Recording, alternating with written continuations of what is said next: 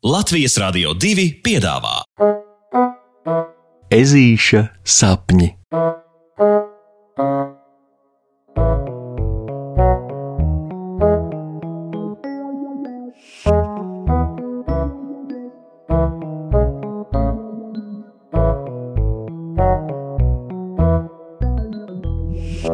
Ezītis iet meklēt varavīksnes sākumu. Saule spīd, lietus līst, vecai mātei bikses plīst. Skaita puksītis un smejas, un līdz ar viņu smejas arī visi citi. Šodien ir ežu ģimenes sajiets, ja tā var teikt, jo negaidīti ciemos ieradās Omis ar opi un, kā saka, opulis. Izlēma uztaisīt svētkus uz līdzenas vietas. Tā nu viņi tagad ir te, ar bērnu šampanieti azotē un vēl silti kūpošiem pīrāgiem, rosoliņu un pārējām līdzenās vietas svētku izlaidībām. Un ir tik labi! Opis stāsta anekdotes, visi smējas, spēlē dambreti, kārtis, kurās kāds nemitīgi cenšas blefot, un visi par to ir laimīgi ir tik feini būt kopā ar ģimeni, ka ežulim burtiski kūst sirds un netraucē pat aiz loga plikšķošais lietus. Tā stumdam svaigos jau neskaitāmo pīrādziņu, puksītis pēkšņi pamana, ka ārā debesīs iekrāsojas septiņu krāsu loks. Wow! Hei, hei, hei, hei, hei! Skatieties, varavīksne, varavīksne, skatieties! Un puksītis aizskatās uz košo debesu parādību. Tā ir tik skaista, tik koša, tik. Klavopi, tu noteikti tās lietas zini labāk. Ežulis vēršas pie vectētiņa. Vai tu esi kādreiz aizgājis līdz tai vietai, kura varavīksne ielēna zemē? Ar dziļdomīgu interesi opim vaicā ežuks. Ne, esmu, esmu, bet gan tikai vienīgu reizi. Un opim viltīgi smīnot, sākās viņa stāsts par to, kā viņš reiz, vēl jauns un sprauns, esot gājis un netīšām trāpījies tieši tajā vietā, kur viens varavīksnes gals pieskaras zemei. E, tieši tur viņš paslepus aiz koka esot vērojis rūķus, kas norakuši milzīgu zelta podu tieši varavīksnes galā. Jā, jā, tā esot rūķu tradīcija. Viņi savus dārgumus katru reizi norok zem viena no varavīksnes galiem, o, ar domu, lai tos pēc tam vieglāk atrast.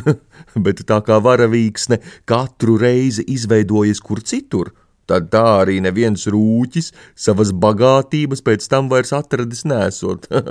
wow!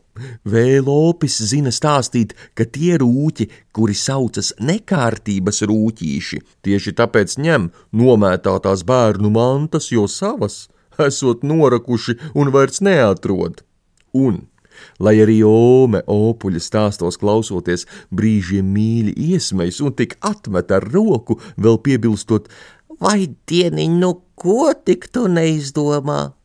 Puksītis opim no visas sirds tic.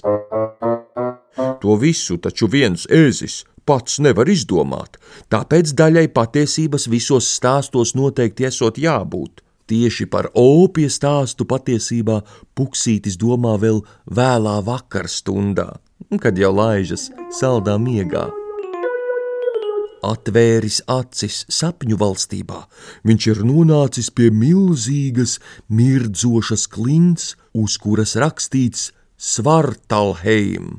Tas nozīmē rūķu valstība. Tūliņ buksītim paskaidro bārdainis, kas viņam dodas garām tieši mirdzošajā klints sienā. Mirkli kā apstulbis, ežulis stāv pie sienas, Līdz no tās atkal pabāž laukā galvu tas pats bārdainis. Nu, tu nāksi iekšā vai tikai brīnīsies? Es taču nevaru visu laiku turēt durvis vaļā. Rūķis noburkšķ un māja ar roku. Puksītis gan nav īsti pārliecināts, kā tieši jādodas iekšā klintī, uz ko jau atkal, kā lasīdams ežuļa domas, rūķis pabāžot galvu no klints piemetina.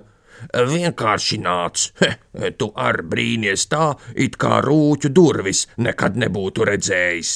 Nīgris pat ieķiķinas. Nu, vispār jau es tiešām nesmu. Ezītis grib taisnoties, bet viņu atkal pārtrauc nīgris. Pag, pag, pag, E, tu taču esi poksīša opis, pareizi.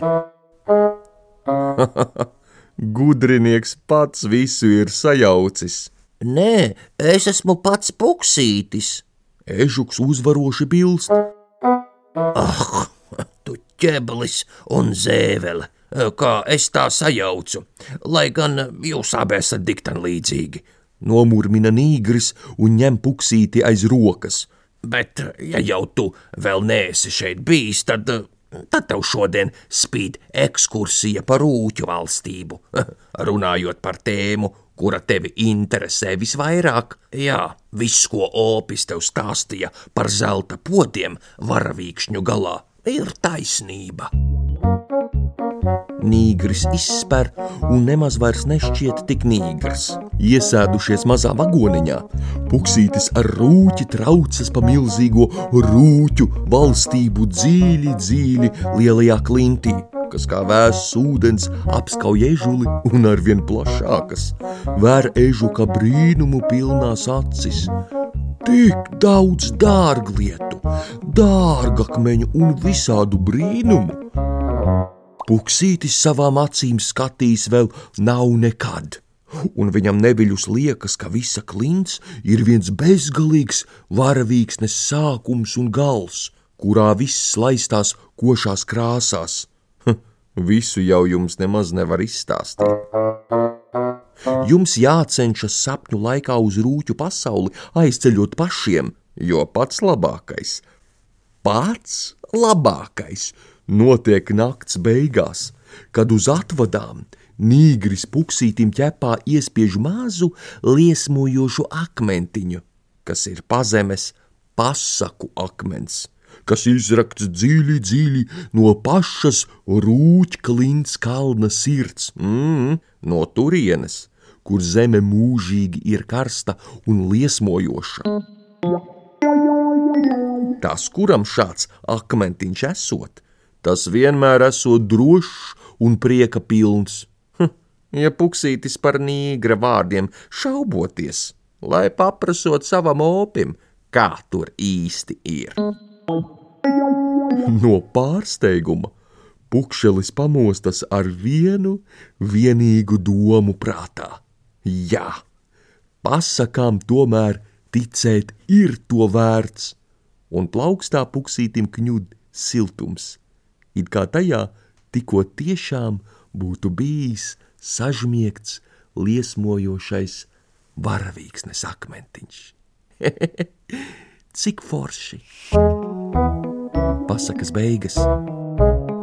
Ar labu nakti, draugi! Ar labu nakti! Saldus tev sapnīšus un tiksimies rītdien!